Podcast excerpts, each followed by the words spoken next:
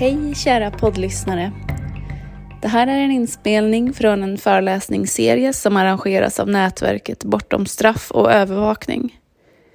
Det är en av flera föreläsningar som vi arrangerar under namnet Att låsa och låsas in. Den här föreläsningen hålls av Leandro Molinari.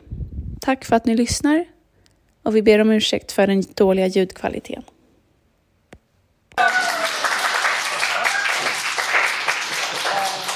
Att få vara här bland eh, typ folk som jag tänker är familj. Eh, jag har ju gått, eh, jag, vet, jag har varit jätteaktiv och sen flyttade jag till Stockholm och så så måste man ju skämmas när man kommer tillbaka till Malmö där det är så fint och oh, man blir så glad att vara här. Men i alla fall, det är en stor ära att få eh, presentera mitt arbete. Jag flyttade ju då till Stockholm för att jag fick jobb som eh, som eh, eh, doktorand i kriminologi och sen så har jag då eh, bott där och skrivit en avhandling som handlar om typ rasprofilering, eh, delvis liksom så, eh, där jag intervjuar massa människor om hur det är att bli stoppad av polisen på vaga grunder. Liksom så. Det är i alla fall ett av teman i min avhandling. Eh, och efter att jag eh, disputerade så eh, har man ju den stora möjligheten att söka massa pengar och det har jag gjort och så har jag haft förmånen att faktiskt få pengar för att fortsätta liksom den här undersökningen kring liksom, frågor om makt och motstånd eh, och de här kontrollagenterna som vi har i vårt samhälle. Och en sån är ju ordningsvakter. Så det tänkte jag att jag skulle prata om idag.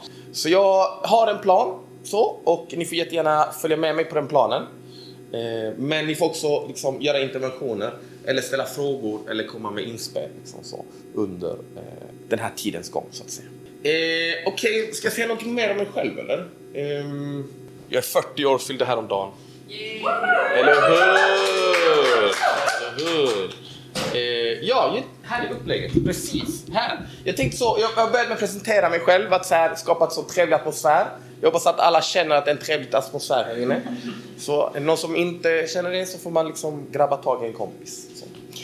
Eh, jag tänkte jag skulle säga lite, eh, börja med så här bakgrund till det här ordningsvaktsfenomenet som vi har fått i Sverige. Lite basic facts. Eh, säga någonting om underlaget egentligen för liksom deras roll i samhället. Eh, och sen säga då någonting om alla de här skandalerna, eller skandalerna då, inom citationstecken, som har förföljt industrin. Liksom så. Eh, med återkommande liksom, medierapportering av olika liksom så, eh, våldsamma händelser som då det blir diskussion Och sen så tänkte jag då komma in på min egen forskning och där har jag då intervjuat människor som eh, liksom, eh, det jag på akademiska kallar har haft violent encounters med ordningsvakter men som i vardagligt språk är liksom folk som har fått stryk av ordningsvakter. Liksom. Så jag har intervjuat dem och frågat så, hur, hur förstår du det här fenomenet? Varför hände det? Hur, hur, så så, så kommer jag till den biten sen. Då. Och sen eh, tänkte jag avsluta då med en liten diskussion eh, reformism eller abolitionism. Så får vi se vad ni tycker. Tänkte jag vi skulle göra som metometerknappar. Nej. Eh, men eh, eh vi får ju se vad, vad, vad... Men jag tänker att det, det, det är ett levande samtal under hela presentationens gång. För annars, som sagt, så kommer vi somna som kanske de här längst fram håller på att göra redan nu. Nej. Eh, men det kommer komma en jättefantastisk och väl genomarbetad ny lag eh, 2024. Nej, men kommer en ny lag om ordningsvakter eh, 2024. För att eh, och den uppdaterar en, liksom, en förordning som inte har uppdaterats på väldigt, väldigt länge. Och den är egentligen en expansion. Det, alltså ordningsvakten har sedan tidigare eh, fått lov att omhänderta, avlägsna och avvisa människor. Liksom så. Omhänderta, avlägsna och avvisa människor. Och nu så ska de då få utökade befogenheter. Att de ska få typ stoppa eh, människor och slänga ut deras alkohol om det är små mängder. De ska få eh, hjälpa polisen att transportera människor. Det har de inte fått göra tidigare. Och sen så en sak som då har kritiserats desto mer då det är det här att de ska få eh, kroppsvisitera människor i identifieringssyfte. Och det är någonting som bland annat då eh, Civil Rights Defenders eh, varit ute och kritiserat. För vad kommer hända då? Eh, jo, det kommer, kommer helt enkelt legalisera oss. Och det man också gjort med den här nya lagen som kommer, eh, det är ju då att expandera antalet timmar som man måste genomgå för att få lov att ha då del i det här våldsmonopolet liksom, så, som staten har outsourcat till ordningsvakter. Från då 80 timmar till 160 timmar. Och det tänker man då kommer ge de här människorna större kunskap i hur man då brukar sitt våld. Hur många tror att det kommer bli bra? Men det är intressant då liksom att liksom, den, den här grejen är väldigt lätt och jag tänkte i det här sammanhanget också viktigt. Det är lätt att handfalla till någon sorts eh, klassförakt. Alltså där man tänker så, problemet är att de har kort utbildning, de är outbildade liksom. Så det är klassiskt klassförakt. Som att, med, och med det sagt, liksom, i tidigare forskning om rasprofilering, det synliggör ju att de här poliserna som också har eh, en betydligt längre utbildning, liksom, så, de hemfaller också till massa våld. Liksom. Så man ska vara, akt, man ska vara försiktig med, med, med det, men med det sagt så är det ändå be, begränsat med tid som man utbildar sig för att då ha massa rättigheter som vi andra medborgare inte har att bruka våld mot liksom så, enskilda. Så, så då, eh, ja, men här, här ser ni då, eh, på min powerpoint så jobbar jag mycket med att jag har klippt in facsimil, eller så bilder från nyhetsrapporteringen eh, då. Så då eh, det, det, som är här till höger är då citat från John Southard som är då chef på den här människorättsorganisationen Civil Rights Defenders där han säger då det är absolut en risk och handlar om diskriminering i grunden när man då utökar eh, ordningsvakternas befogenhet att liksom identifiera, försöka identifiera människor. I, i så, så, det, så det, man kan helt enkelt säga att det går jävligt bra nu för de här ordningsvakterna. Eh, de har fått en ny lag som har så tydliggjort deras uppdrag och expanderat deras uppdrag. Eh, vi ser dem typ överallt, eller hur? De går där på Möllevångstorget. Går eh, i liksom Stockholms tunnelbana. Eh, det är fullt med ordningsvakter. Och, och det är en stor förändring. Så var det inte tidigare. Liksom. Så det här är någonting som har normaliserats då i det offentliga rummet. Där de är både då i sådana här liksom offentliga, i det offentliga rummet men också i då så privata rum, typ köpcenter. Eh, och, och, och beter sig som, som då eh, kontrollagenter. Eh, och man brukar säga att det finns liksom fler patrullerande ordningsvakter än, än liksom så här patrullerande poliser. Så det är verkligen ett stort skifte som har hänt i hur hela den här polisingen eh, gått till i Sverige. Och här kommer den första frågan då från Ylva. Varsågod och prata ordentligt så att alla hör dig i mikrofonen. Ja, tack så mycket. Jag undrar om du kan bara säga någonting om eh, skillnaden mellan väktare och ordningsvakter? Men gud vilken bra fråga! Det har ju liksom att göra med rätten till hur mycket våld man får använda. Så väktarna får använda lika mycket våld som vi andra. Så envalsingrip, alltså så. Medan ordningsvakterna fick göra de här grejerna som jag var inne på. Så, så de har liksom helt enkelt större våldsbefogenheter. Liksom så. Alltså, poängen är här, det som är skillnaden mellan väktarna och ordningsvakterna är ju, så som jag tänker på det. Liksom så. Och det här är, jag är inte jurist, eh, så jag ska också säga varifrån mitt svar kommer. Utan jag, jag är sociolog, liksom, eller kriminolog. Eh, och det vi har gjort är att vi har liksom outsourcat våldsmonopolet till de här privata ordningsvakterna. Liksom. Okej, okay, så de har fått massa, massa våldsmonopol. Men det, sen finns det ju massa andra kontrollaktörer i vårt system. Eller hur? Och de kontrollaktörerna kan man tänka sig, det, och i Stockholm är det väldigt tydligt, vi har liksom trygghetsvärdar, vi har ett gäng andra grupper där som, som gör typ det här arbetet som är att upprätthålla kontroll. Och skillnaden, det jag tänker är skillnaden är ju att den ena kategorin är violence workers.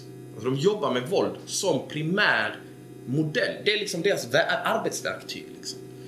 Eh, och vi ska komma in på det här senare eh, när jag har ett exempel från hur faktiskt den här fantastiska eh, akuten här i Malmö jobbar där man ersatte ordningsvakterna med väktare just för att man då ville få bort eh, våldet som princip för hur man bemöter folk som är då i upprörda situationer. Eh, så det är liksom, jag, jag, tänker att det här ordet eller begreppet som jag själv gillar, eh, som inte är mitt utan det eh, kommer från en, en person som heter Mikko Sigel som har skrivit en bok som heter Violence Workers, just fångar just att det handlar om våldet är liksom metoden för, det är det som urskiljer poliser och ordningsvakter från alla andra yrkeskategorier, inte alla, men för många andra yrkeskategorier. Så, men det vi ser här, det, var, det är liksom att det går bra. Liksom, kurvan pekar uppåt. Eh, det är liksom 17 18 000 eh, ordningsvakter och väktare som patrullerar på våra gator då, eller kör runt i sina bilar. Och då om man är inne, inne och tittar på säkerhetsföretagens årsrapport som man kan göra. Man kan ladda ner helt gratis som pdf på internet. Då står det så här. Efterfrågan på säkerhetsföretagens tjänster och produkter beror i grunden på hur kriminaliteten i samhället utvecklas. Under senare år har otryggheten från kriminalitet ökat i Sverige. Punkt, punkt, punkt. Och det förklarar då enligt deras analys expansionen utav deras eh, bransch. Och sen har de massa priofrågor som är jättespännande. Eh, för det, det, är också en påminnelse om vad som är på gång, liksom, eller hur? Det här är starka lobbygrupper. Och det de naturligtvis vill få in är ju att inkludera i RUT och ROT, eller om det är ROT eller RUT, jag vet inte riktigt, privata säkerhetslösningar. Så att de här rikingarna ska kunna dra av på sin skatt olika larmsystem och olika sådär. Så det är liksom det de jobbar jättestarkt. Om man tänker så internationellt och globalt så har vi liksom en, till exempel en privat fängelseindustri som, som eh, inte minst i USA då till exempel. Eh, det är inte riktigt det som, som verkar vara liksom deras prio, men det finns också sådana såna liksom indikationer. Men, ja. men de, de menar helt enkelt att göra med kriminaliteten som då driver den här utvecklingen och behovet av. Eh, men den där eh, fulingen gick vi inte på, eller hur? Det är inte så enkelt. Eh, eller det har väldigt lite att göra med kriminalitet till och med, skulle man kunna säga. Då har vi då till exempel, jag vet inte hur många av er som röstade fram den här fantastiska regeringen som vi har. Eh, men då är det så att då har vi till exempel då Liberalernas partiledare som har investerat massa pengar i privata säkerhetsföretag. Så precis som på skolmarknaden, vi ser att det finns en stark relation mellan politikerna som styr vårt land och eh, eh, liksom hur då hela den här marknadsskolan har utvecklats så ser vi det också på det här, på det här området. Eh, och liksom Securitas, det är liksom en, en, stor svensk export. Ett av världens fem största, jag tror det det andra största eh, bolaget i, liksom säkerhetsbolaget i världen. Så det här är big, big business. Liksom. Så det här är, det här är eh, eh, grupper med mycket, mycket liksom, pengar. Och eh, det finns en, en kollega, Hansen Löfstrand, hon argumenterar i en text att deras, den här expansionen som har skett, den har liksom hänt egentligen utan eh, ett samtal. Liksom. Det är ingen som har drivit frågan offentligt, utan det är liksom, det har hänt lite sakta men säkert. Och framförallt så har det inte hänt på nationell nivå, utan kommunalt. Så de har liksom exploit något sorts tomrum i, i, i, i samtalet och så jobbat mot kommuner. Och på det sättet så eh, har de lyckats då eh, flytta fram sina positioner helt enkelt. Och då skriver hon så här då. There, there has thus been an escalating demand for policing providers at the local community level which private security providers were able to exploit. De har liksom utnyttjat det där. Hela den här diskursen om otrygghet har liksom sipprat ner på kommunal nivå. De här, på kommunal nivå så är det massa människor som, känner, som ger uttryck för att vi behöver ha mer synliga eh, väktare eller ordningsvakter och poliser. Man känner att det inte finns tillräckligt många poliser. Trots då, och det är en väldigt viktig poäng att göra, trots då att polisens budget har ökat med 50% sedan 2017. Så den här expansionen har skett samtidigt som polisens budget har liksom ökat väldigt, väldigt kraftigt. Så det är väldigt, väldigt spännande hur man lyckats få, få ihop det här. Och det här är ju naturligtvis, det finns en jättefin bok om någon är peppad på att läsa som heter Governing through crime. Liksom så. Man, man, man regerar genom, eh, eller inte mot brott utan genom brott. Liksom så. Genom diskurser kring brott, genom diskurser kring otrygghet. Liksom. Jag har jobbat mycket i Husby, jag ska komma till det. Liksom. Det har varit jättemycket skjutningar. Det är provocerande att säga så, ja, diskursen kring otrygghet på vissa platser. Liksom, så. Eller om man jobbar på ett bibliotek och det är massa stök och bråk. Då, då, då är det så kanske att det är otryggt.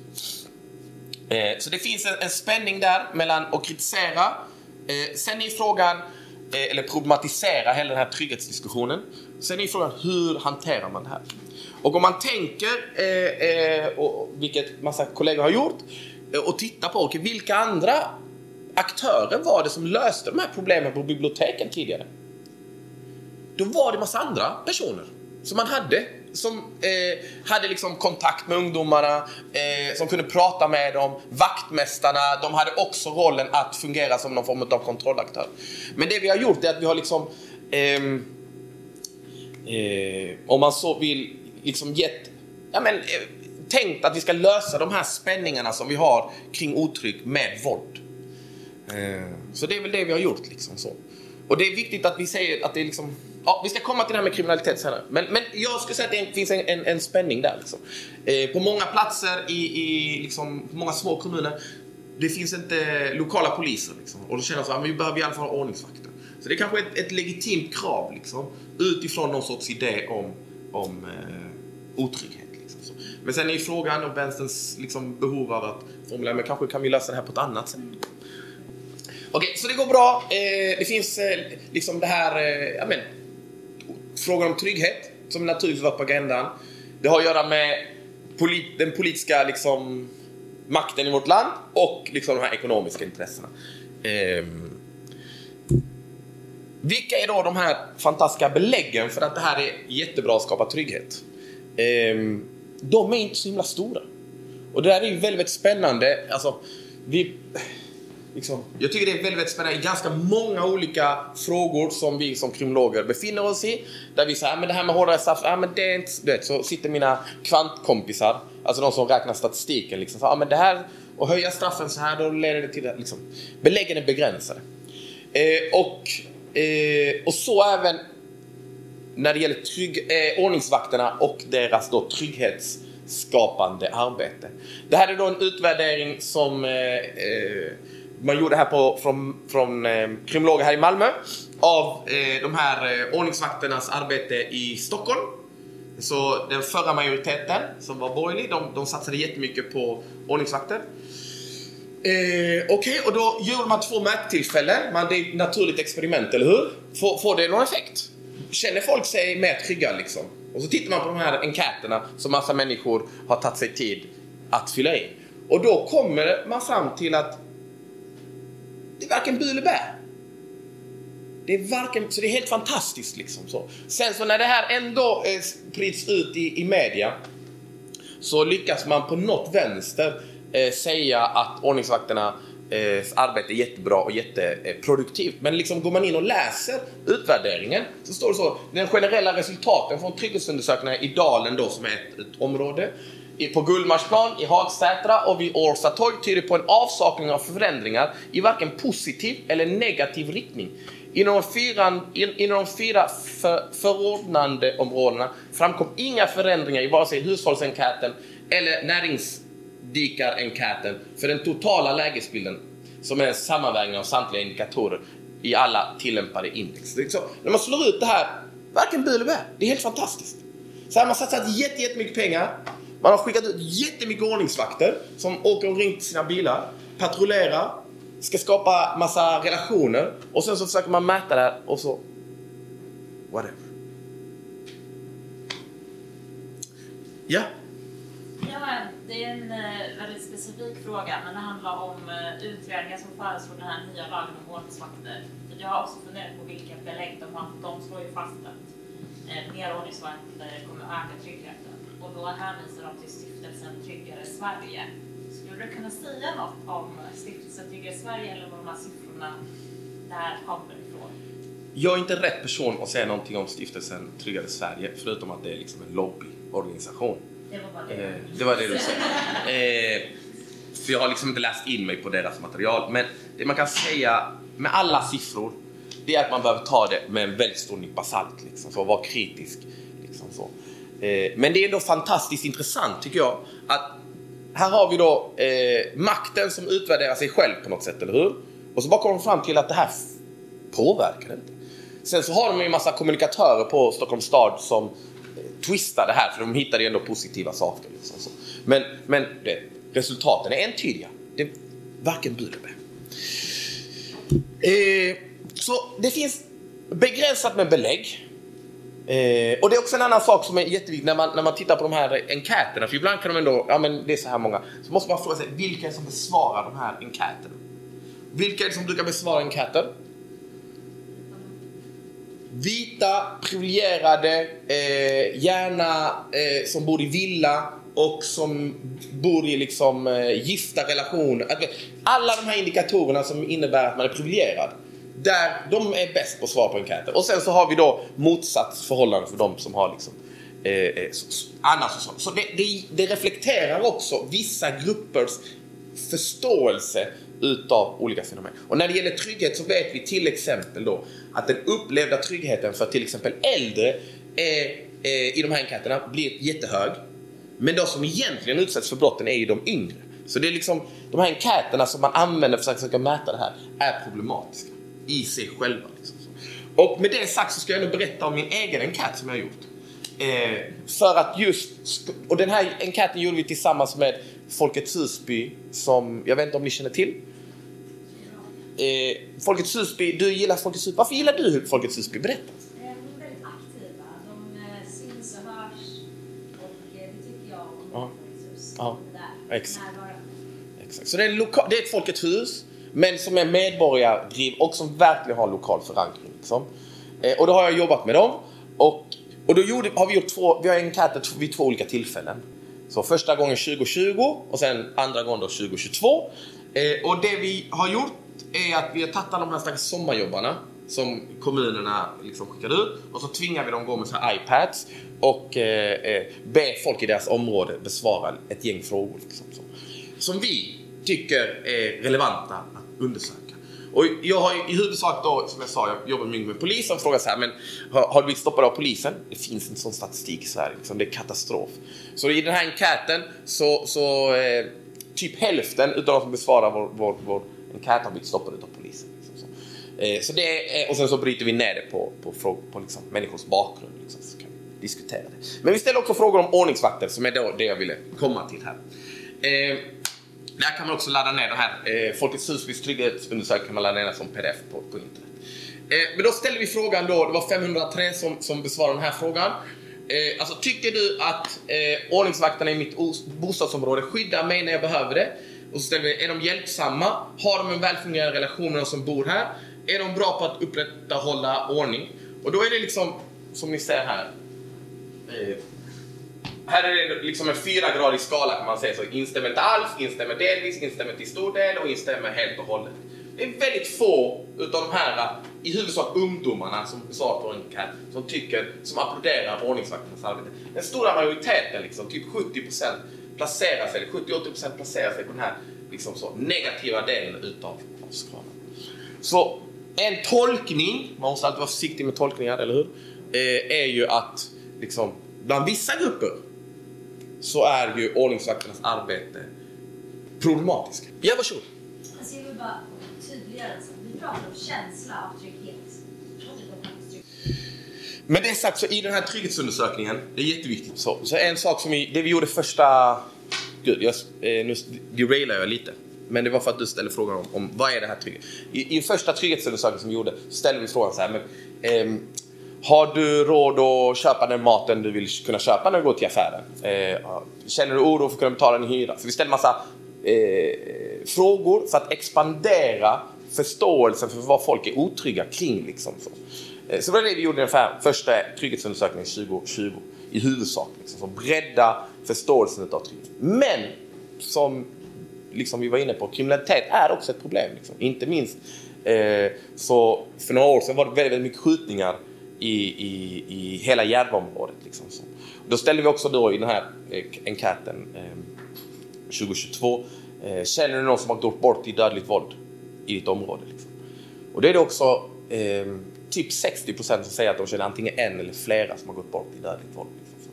Så återigen, jag är 100% med att vi ska problematisera den här känslan utav otrygghet, men måste också komma ihåg att liksom, inte minst den rasifierade arbetarklassen, är den som också befinner sig brev, närmast eh, liksom, den här eh, katastrofen som vi har fått i vårt land där polisen inte ens lyckas göra det här arbetet som de har fått betalt för att göra. Liksom, så.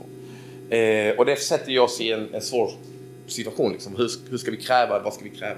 Men det vi kan konstatera är att det är liksom en, en, en ojämlik fördelning av trygghet. Så.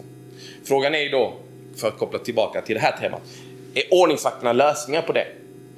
Eh, och det här enkäten pekar ju inte på det då. Liksom så. Eh, men kanske framförallt det som inte pekar på att det är en lösning är ju då alla de här eh, liksom, eh, liksom jag, jag, det är som att jag inte har ett bättre ord än skandal. Men liksom, för det är ju massa människor Eh, och därför har jag också valt massa eh, eh artiklar där man ser bilderna på de här liksom barnen, de här fyra grabbarna som var jättesmå. Kista galleria för ett par år sedan. Som så dunkades eh, liksom, ner när de hade, höll på att fira födelsedag och hade tittat typ på någon fotbollsmatch. Liksom, så. Eh, så det blev en stor diskussion. Eh, vi har också exemplet med den gravida kvinnan som var på väg som, liksom, i åttonde månaden som inte tillräckligt snabbt kunde visa sin, eh, sin, eh, sin SL-biljett. Liksom så. så blir hon utdragen trots att hon är där med sin unge nerknuffad. Liksom så. Vi har också exemplet då med Freja eh, som dömdes för att ha bitit en vakt och det var liksom helt, helt lögn. Det var helt lögn. Så, så hon sen friades i hovrätten. Liksom så. Och ännu längre tillbaka, jag vet inte, eh, liksom, det är viktigt att ha ett så här långt kollektivt minne tror jag i de här frågorna. Eller jag känner det i alla fall. Du vet när man börjar googla och just det, det här och det här och det här. Liksom, vi har det, det här exemplet som är från 2015. Den här lilla killen som är typ eh, en nioårig pojke som ordningsvakterna här på Malmö central eh, liksom brutaliserar. Och med det här sagt, anledningen varför jag problematiserar den här skandalgrejen, det är ju för att i de allra flesta här fallen så frias ju ordningsvakterna från det här som många utav oss upprörs över när vi nås utav nyheten. Liksom så. så. då till exempel då den här nioåriga pojken, då går ju åklagaren ut och säger att det var helt inom lagens ramar att eh, eh, brutalisera det här lilla barnet. Liksom. Det var helt Så det var, och det är intressant liksom ändå liksom att det finns den här ständiga strida strömmen utav våldsamma händelser som når medierna. Man kan också tänka sig att det är toppen av isberget, eller hur? Eh, och att det finns en hel del liksom, icke-identifierade och eh, fall då som, som, som, Och sen ska man inte glömma då det senaste exemplet, den senaste cykeln kanske man ska säga, utav diskussion som var ju då när ordningsvakter i Stockholm mördade en, en 47-åring. Liksom så. Eller dödade, om man, så, om man då eh, så vill. Liksom så. Kvävde honom till döds i, i lik med den form av polisbrutalitet som vi har hört talas om i andra delar utav världen. Eh, och då var det liksom väldigt ny, nyutbildade, nyexade ordningsvakter. Och så då är fokus och diskussionen blir väldigt mycket på det. Att de är nyexade, de har precis kommit ut och fått... Och så tänker man då att de här istället för 8, hade de inte haft 80 timmar utan 160 timmars utbildning, då kanske det här inte hade hänt. Eller så tänker man eh, som jag tänker att vi ska diskutera. Eh, att problemet är att vi bemöter som samhälle människor som kanske är berusade eller, eh, eller är högljudda eller bara firar sin födelsedag med våldsmonopol istället för med massa andra tekniker som man skulle kunna diskutera med eller hantera människor. Och, och egentligen så vill jag vill egentligen stanna upp vid det här för det, det är liksom när man väl börjar det finns ännu, många, ännu fler fall liksom som har uppmärksammats. Och jag, det var som att jag bara, men hur många kan jag ha här på powerpointen? Men någonstans så finns det ett behov av att ha ett arkiv utav alla de här händelserna för att de ska liksom finnas med i det kollektiva meddelandet. Jag tror att det är viktigt. Liksom. Okej, okay, det här var en lång introduktion. Eller hur? Går det bra för mig? Är ni uttråkade? Oh, yes! Eh, vad skönt. Undrar om de här på podden är uttråkade så här. De bara what the fuck. Det är skitroligt live men i poddformat så är det skitbra.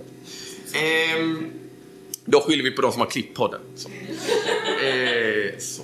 Det handlar inte om, om, att skapa trygghet, precis som vi är inne på här i det här samtalet. Utan det handlar om att signalera någonting. Det handlar om att signalera till den här väljarkåren, jag tar den här eh, frågan på allvar. Det vill säga governing through crime. Det handlar inte om att få sätta dit eh, eh, eh eller få bukt med skjutningarna. För det kräver helt andra metoder. Liksom. De här ordningsvakterna, de gör en annan typ av arbete. Liksom, så. Jag ska komma till det, vad, det, vad de gör. Liksom. Eh, eller vad de inte gör. Liksom, så. Men det handlar ju, så, så jag tror att man ska tänka på deras arbete som väldigt... Eh, och det här är liksom durkheimianskt, liksom, så att det kommunicerar någonting.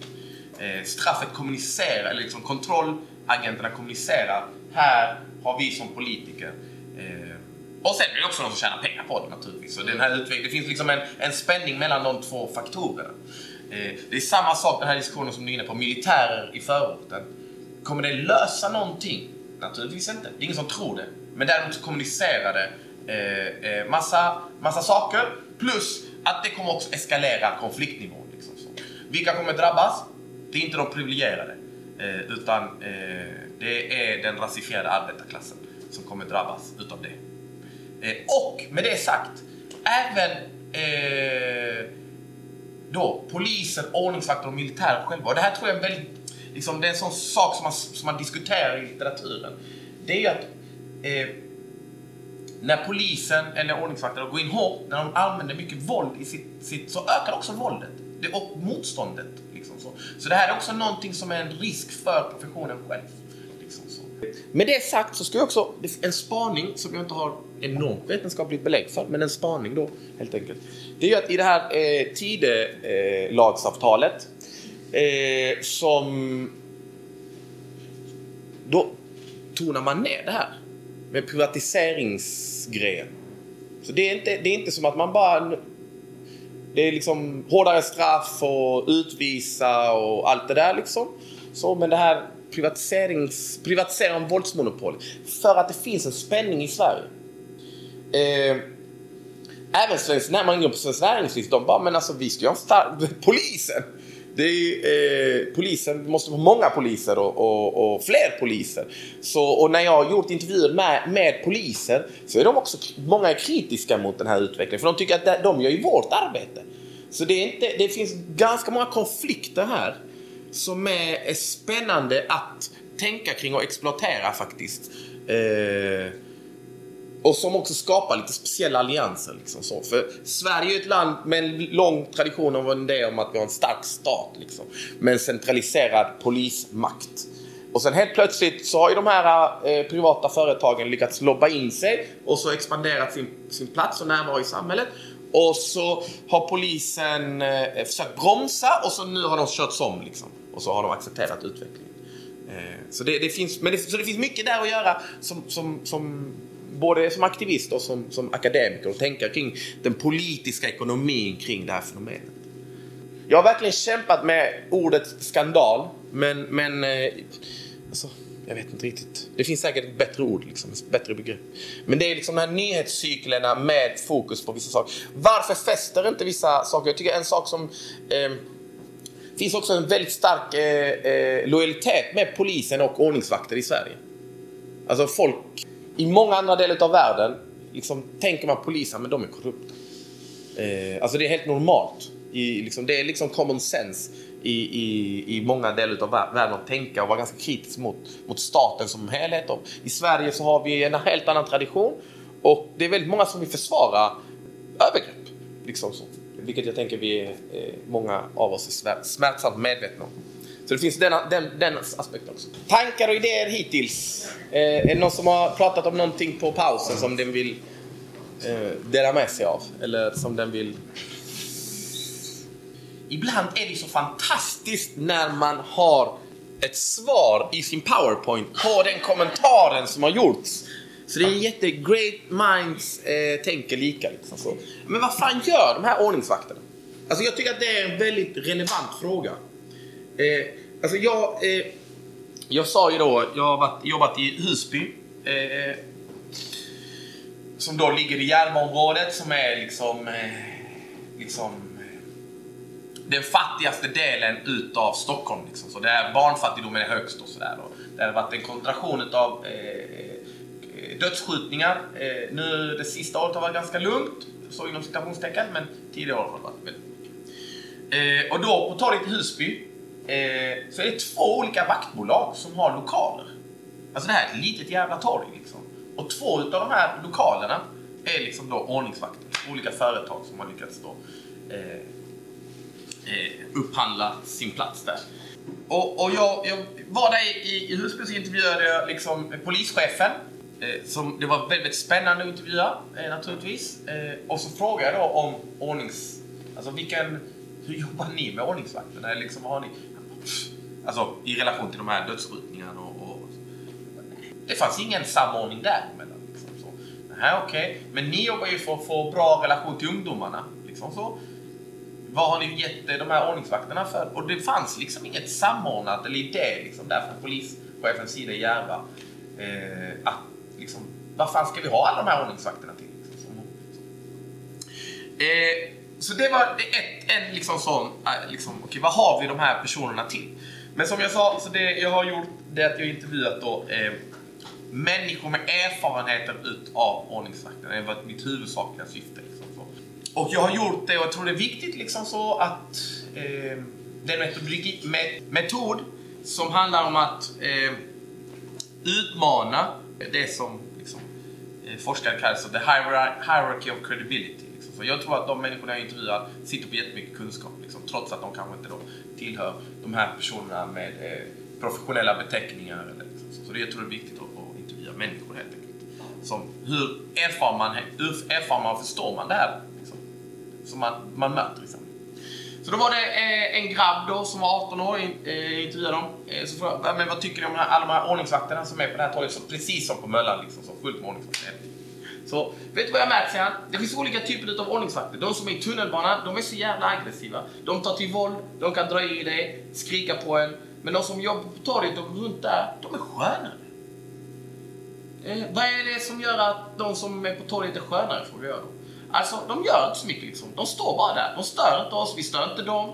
De behöver inte göra något. Men blir det bråk så gärna, alltså då kommer de såklart. Men liksom, när vi chillar, då vill vi vara ensamma. Vi vill inte att polis eller ordningsvakt ska hålla på och störa. Men jag tyckte det här var väldigt spännande. För det var liksom i början på hela min så här... Jag har fått eh, tid och, och pengar för att undersöka det här med ordningsvakter. Och det som var så tydligt, det var att Alltså den här förståelsen för att det finns olika typer utav ordningsvakter. Det finns de i tunnelbanan som är aggressiva och så finns det de här eh, på torget som bara går omkring och, och, och, vad gör de egentligen? Och det är jättespännande. Så de har verkligen en jätterepressiv funktion i bemärkelsen våldsam. De har ju eh, liksom man kan prata om att det finns soft powers och såna här grejer men när vi pratar om direkt fysiskt våld, de verkar liksom inte göra det.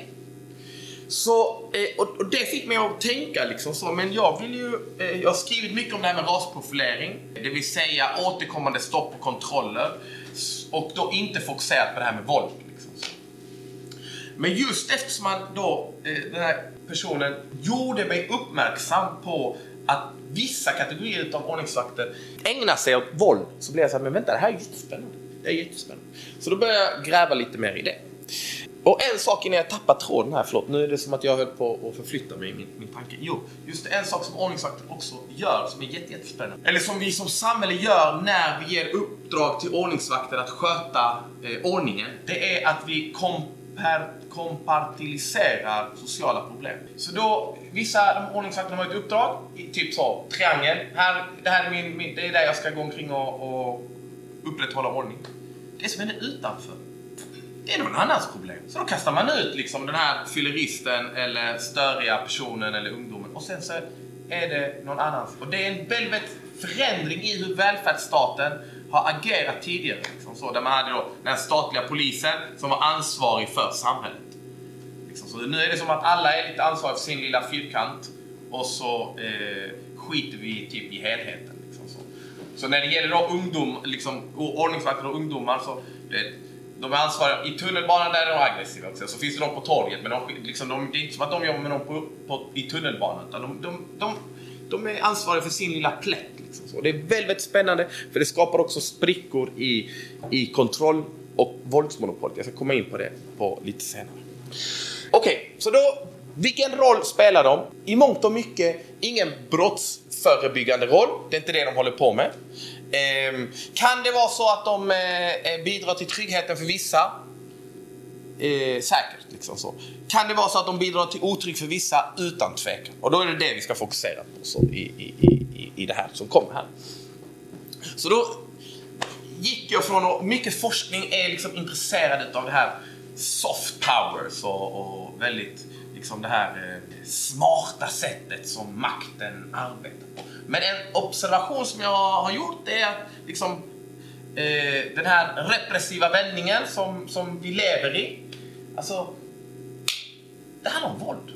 Eh, man sätter folk i förvar, det handlar om våld. Man sätter folk i eh, man, höga murar. Det, det, är liksom, det är inte de här smarta kontrollteknikerna som man pratade om tidigare inom forskningen kopplat till Foucault och liksom kroppen. Utan det här är våld. Liksom. Man, man jobbar mycket systematiskt och smart med direkt våld. Så det blev väldigt intressant. Eh, och, och, och, så. Men hur ska vi förstå det här fysiska våldet och hur förstår vi det utifrån då människor som drabbas perspektiv? Och med det sagt så vill jag bara eh, eh, göra uppmärksam på det här då. Det här ett citat från polisens hemsida. Då står det så här. Ordningsvakten ska i första hand försöka prata personer till rätta. Men de får då använda våld om uppgiften inte kan lösas på annat sätt. Det får inte vara fråga om mer våld än vad som är nödvändigt för att lösa uppgiften. Okej, okay. spännande eller hur? Så det här har att göra med liksom, i, i juridiska termer så proportionalitetsprincipen liksom, så, och behovsprincipen och sånt där. Det måste finnas ett behov för att eh, tillbringa våld och det får inte vara mer än nödvändigt. Liksom, proportionalitet. Men de får ju använda våld. Det ingår i det. därför jag tror att eh, eh, det är viktigt, det här begreppet som jag introducerade in, in, initialt här. De är violence workers. Det är det som är liksom deras eh, claim to fame. Och, och, och, här för mig som, som liksom tänker kring det här skrivna, okej, okay, eh, givet att de får använda våld, eh, ska vi prata om det som övervåld? Liksom det människor drabbas av? Alltså att det är mer våld än vad situationen kräver, eller är allt våld dåligt? Liksom. Eh, finns det våld som inte är brutalt? Och jag, jag ställer den här frågan verkligen till det här eh, samlade eh, grannskapet utav genier. För jag har liksom inte ett fantastiskt svar. Utan jag kan, eh, det enda jag kan erbjuda här är att problematisera. Det finns då eh, Skolning of Fife. De pratar om, eh, de har en jättefin bok som heter Above the Law. Liksom, som handlar om, om polisvåld. Och så tänker de på det. Ja, men det är polisvåldet som är above the law. Eh, men ofta så är det ju inom lagen. Så det är inte alls above the law. Liksom. Så, men ska vi då tänka, liksom, hur ska vi tänka kring eller då Taylor som har gjort en, en jättefin liksom, eh, bok, jag har en bild på den sen, eh, som heter Fight the Power. Eh, som handlar liksom om, om eh, svartas och kommunistiska rörelsers organiserade mot polisvåld i USA. Jag tror till och med det är i New York. Liksom, så. Där han pratar om att alltså, det här, det man har mobiliserat mot är orättfärdigt våld. Är det det vi pratar om? Eller liksom så? Eh, eller övervåld det finns en annan, en, en annan definition som är mer våld än vad en mycket kvalificerad polis skulle finna nödvändigt att använda i den särskilda situationen eller då ordningsvakten. Alltså mer våld än vad en, en, en bra violence worker skulle använda. Eh, alltså hur ska vi förstå det här? Alltså, jag, och jag tror att det här är en, en, en teoretisk och politiskt viktig fråga att, att stanna upp vid. Så hur framar vi kritik? Och jag har ju då, som jag sa inledningsvis, framat det violent encounters för att det låter så akademiskt neutralt. Liksom. För det är våldsamma möten. Liksom. Okej, okay, hur står vi de här våldsamma mötena? Eh, men eftersom det här är ett politiskt sammanhang, så hur ska vi... Om vi skulle mobilisera mot det här fenomenet, ska vi prata om mobiliserar vi mot övervåld? Ja. Men, men, men det här vill jag ändå slå ett slag för att prata om det som våld, för det är så det erfars. Och sen så håller jag med om att det finns mycket annat våld också. Typ liksom symboliskt våld och, och eh, långsamt våld. Eller liksom, det finns massa olika. Men det här upplevs det så. När man får stryk så upplevs det som våldsamt. Liksom. Eh, du vet, i, i kroppen. Liksom. Och det är så människor pratar om det. Eh, ja. Men det, det, är en svår, eh, svår fråga och det finns sjukt fantastiskt. Det här var den här eh, violence work som jag sa. State power and the limits of police. Som jag uppmuntrar alla att typ så hon, hon, har skrivit en jättefin eh, liten text där hon sammanfattar den här tjocka boken. Som man kan, eh, om man mejlar mig så kan skicka den till. Eh, men här finns ett antal jättefina böcker. Eh, det här Fight the Power, det handlar om de här kommunistiska rörelserna och, och Svarta Pantar-rörelsen i New York. Ehm, eh, ja, det finns, men då i huvudsak från naturligtvis Eng England och USA. Liksom så. I Sverige så är det tyvärr eh, liksom, det är ingen som forskar på det här temat eh, surprise. För att i Sverige har vi en tradition av att tro att staten är god i huvudsak. Liksom så. Och polisen håller väldigt hårt på sin liksom, ordning. Så det är väldigt få som håller på med kritisk forskning kring det här temat tyvärr. Eh, men ja, så det finns en hel del böcker. Eh, den här gula eh, är jättefin. Eh, Marianne Kaba som, har, som är en abolitionistisk bok som just handlar om då ehm, alternativ till polisen. Men som ni ser också så är allt det här polis violence litteratur. Så det här liksom med ordningsvakter ingår i, i vår... Så. Så. Men det är i alla fall den, den, den, den, den, den, den eh, eh, teoretiska bakgrunden. Liksom. Det här stora och enorma massan av böcker som finns inte minst från USA. Liksom, så, eh, som jag har läst in. Men då, det jag har gjort är att jag har intervjuat en massa människor. Och det är en, en, en, en kvinna eh, som är 35 år. Hon ser ut så här. Jag var ute med en kompis. Han var väldigt berusad, det vill säga väldigt berusad. Så jag följde med honom till tunnelbanan. Allt gick fort där. Han stoppades av en vakt. Du får inte komma in. Sedan försökte jag. Kan vi inte komma in på något sätt? Det var en vakt som var väldigt snäll, det minns jag. Den andra var mer aggressiv. Han såg väldigt arg ut i sina ögon. Sedan minns jag bara vakter som kom mot oss från sidan och bara drog mig till marken och drog bort mig. Jag blödde från knäna och slog, mig, slog min haka. Jag reagerade med motstånd eftersom jag var väldigt rädd. Jag vred på kroppen. Det gick från något ganska lugnt till totalt kaos. Jag förstod inte vad som hände. Alltså, det var väldigt slumpmässigt, verkligen. Men naturligtvis var jag den enda bruna personen där. Eh, och, så det jag har gjort är att jag har intervjuat människor och så har jag bett dem, men vill du berätta om det här våldsamma mötet som du hade med eh, eh, ordningsvakterna? Och så eh, har jag liksom brutit ner de här narrativen eller, eller intervjusvaren i liksom olika, olika delar. Eh, och här har vi ju det här som, eh, som Ylva var inne på. Varför eskalerar den här situationen? Vad är det som händer? Kommer ni ihåg vårt citat? Vårt citat var så här ju. Ordningsvakter ska i första hand försöka prata personligt rädda, men får använda våld om uppgiften inte kan lösas på annat sätt. Så det som är intressant här, och i många av de här citaten som jag har, det är att det här spannet som man har för att käfta eller ifrågasätta eller ställa frågor eller försöka förhandla. Alltså det vi skulle kunna betrakta i den här tiden som vi lever som en yttrandefrihetsdebatt. Jag tycker det är i alla fall ett fint sätt att tänka på det. Vad är det man får säga? Eh, det spannet där man får liksom, det är jättekort. Alltså i nästan alla de här berättelserna så är det liksom, helt plötsligt så bara fick jag stryk. Så den, den aspekten tror jag är jätte... Eh, det är utmärkande skulle jag säga för ordningsvakternas våld jämfört med polisernas. Det är mer, den här, inne, den här, den här personen är inne på det, liksom, det är slumpmässigt, det följer inte den här logiken som man är van vid. Alltså, hon, hon ser inte det här komma. Och sen när hon analyserar, jo men shit just det, jag var ju svart så det kan jag ha gjort. Eller jag är brun, jag var den där bruna personen där. Så det kanske har med det att göra ändå. Liksom. Så det jag gör i, min, i, i, eh, i en artikel som jag sitter och brottas med just nu, det är att jag, okej, okay, här, det finns individuella förklaringar, psykologiska förklaringar. Det, det finns en aggression hos vissa utav de här violence workers. Det finns liksom förklaringar på individnivå. Som är, vill, jag vet hur många här eh, eh, liksom, det finns vissa kategorier av personer som söker sig till de här yrkena. Eh, jag vet inte hur många här är som känner en polis? Typ, hur många är här som känner en lärare? Jätte, så vi ser, det, det, det finns vissa kategorier, det, det är någonting där på, på individnivå.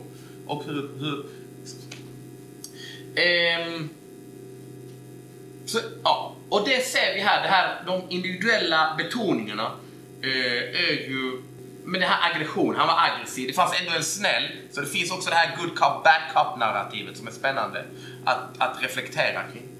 Och sen så har vi då eh, de här mer politiska sociologiska förklaringarna som är då det här med rasprofilering. Som hon inte riktigt vågar tro på i sin, den här förklaringen, för hon bara, men, men kan det vara det liksom? Så. Men ändå det hon i slutändan landar. Så. Men en sån här, det, det jag tycker är spännande är just den här kampen så, I ett läge där man det, har varit ute och haft det jättekul, har tänkt att man är en god samhällsmedborgare och följer med den här personen som är fullt i tunnelbanan. Eh, försöker förhandla för den här andra personens skull. Så uppfattas man som en kaxig jävel och så åker man på stryk. En annan sak som då, förutom då det här med hur ska vi förstå det, var kommer det ifrån, hur kommer det sig att eskaleras? Eh, det här med förhandlingsutrymmet. Vad har man egentligen för förhandlingsutrymme? Vem bestämmer det? Det är makten som bestämmer det. Liksom. Sen så möter de liksom, power is power, våld är våld. De möter det här med våld. Men sen då också det här, vad menas med våldsamt motstånd? Hon säger här då, eh, för det blev sen en, en, en, en, en rättegång här. Så då säger hon så här. Eh, jag reagerade med motstånd så jag var väldigt rädd. Så hon, hon blev liksom anklagad för våldsamt motstånd. Vad är våldsamt motstånd? På tal om vad som är våld och vad som inte är våld. Vad är våldsamt motstånd? Det här är fantastiskt intressant. som jag då, eh, det är sånt man får lära sig när man eh, går på rättegångar. Och, eh, eh att kränga med kropp, att bara försvåra, alltså man behöver inte ens vara våldsam mot ordningsvakterna för att det ska betraktas i lagens mening som våldsamt motstånd. Det är bara att förhindra deras myndighetsutövning är enligt lagen våldsamt motstånd. Så det här är fantastiskt intressant på tal om vad vi lägger i ord. Så att om, om ordningsvakten har sagt att nu måste du gå ut och så hindrar man eh, genom att hålla sig liksom fast i en stång så kan man då bli eh, eh, anklagad för våld. Så när hon kränger här med kroppen så, så är det ett uttryck då, enligt lagen. För du har inte följt myndigheternas eh, uppmaning. Eh, I alla fall, det jag ville understryka här är att folk kämpar för att förstå vad fan det var som hände dem.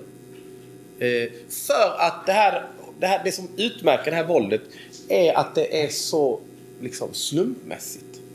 Så. Eh, och också att man går då från att vara jätteglad och haft en fantastisk dag eller liksom så. Och, och sen så bara händer så. Så här har vi ett exempel på en eskalation för att prata med Ylva. Eh, men, och en annan sak som jag tycker är, och det här är liksom en sån sak som jag själv brottats med. Jag, eh, eh, och det är att vissa av de jag intervjuar, med, intervjuar eh, brottas mer med att förstå vad fan det var som hände dem. Och de som brottas mer med det är folk som är privilegierade. Alltså de, de som är svarta som intervjuar, eller liksom så, eh, eller rasifierade, de bara pff, Alltså, det, han var säkert nazist. Eller det var rasism. Eller det finns liksom ett språk för att benämna det här. Så, som, är, eh, som är tillgängligt. För att eh, massor av oss har liksom, eh, skrivit artiklar och pratat och genom historien liksom mobiliserat en hel kunskapsbank kring hur det här ska benämnas. Men så har jag då liksom, eh, liksom till, till, exempel den här unga tjejen eh, eh, den kvällen var jag som vanligt, jag var på, uppklädd och på gott humör. Hon är 20 år, liksom en, en vit student som, ja, så. Eh, det var som att han bara ville sätta mig på plats. Alltså jag vet inte, jag har ingen aning, verkligen ingen aning. Det är svårt för mig att se varför han riktade in sig på mig, varför han gav sig på mig. Det, alltså, de är uppenbarligen lättprovocerade, så här är det individuella liksom. Eh, men att bli så triggad av en fråga, så hade de frågat så, men kan jag, kan jag bara få komma in och hämta mina grejer? Så hade han sagt. Eh, det kan inte vara det, eller? Och sedan att använda så mycket våld mot en kvinna. Alltså, det är ju helt vansinnigt. Alltså jag som då har gått omkring här i världen och tänkt att jag är skyddad utav staten, helt plötsligt får jag stryk. Utav då den här statens outsourcade arm. Och det här tycker jag är en jätte, jättespännande eh, sak att fundera kring. Också lite för att om man träder in i ett fält med massa, eh, har läst jättemånga böcker om rasism och, och, och sådär. Och så, eh, och så får man, börjar man analysera sitt empiriska material och så blir man förvånad. Varför uppträder det här mönstret? Eh, alltså, för, som du var inne på, det, jag förväntade mig i mitt material naturligtvis att det skulle, vilka är de usual suspects? Ja, men liksom, eh, det är de här grupperna. Eh, och när jag då möttes av det här så blev jag som gud, det här är jätte, jättespännande. Eh, så det vi kan säga, eller det jag tänker i alla fall, det är liksom att det här våldet från, från, eh, från då, eh, ordningsvakterna är ett rasifierat fenomen det är också ett väldigt könat fenomen när man tänker att det drabbas av unga invandrarmän eller typ eh, socialt utslagna på olika sätt. Eller liksom så. Och sen så eh, går man inte omkring och tänker när man går på klubb att man ska få stryk om man är, liksom, tillhör den privilegierade delen av befolkningen.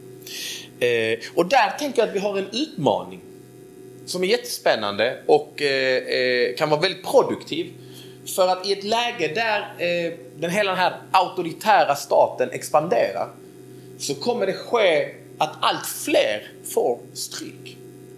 Alltså allt fler kommer uppfattas som provocerade av vilken anledning det kan vara. Liksom så. Och där liksom eh, behöver vi fundera kring hur vi eh, eh utvecklar ett språk som inkluderar liksom så, en ung svensk tjej liksom, så som pluggar, jag vet inte vad hon pluggar, men liksom. Eh, hennes erfarenhet i den här strukturella berättelsen om liksom, the usual suspect och strukturell rasism och, och sådär. Eh, och jag, jag, ser det som en utmaning. Liksom. Alltså, för mig som kommer från någon sorts vänstertradition så ser jag att de här violence workers, det är ett ganska naturligt utfall att om det finns massa ordningsvakter så kommer de också bruka våld.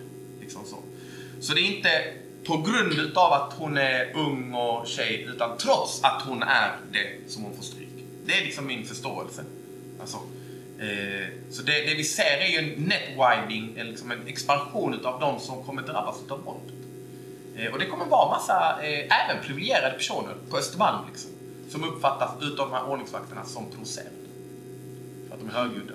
Men, Men naturligtvis kommer de som mest drabbas vara så.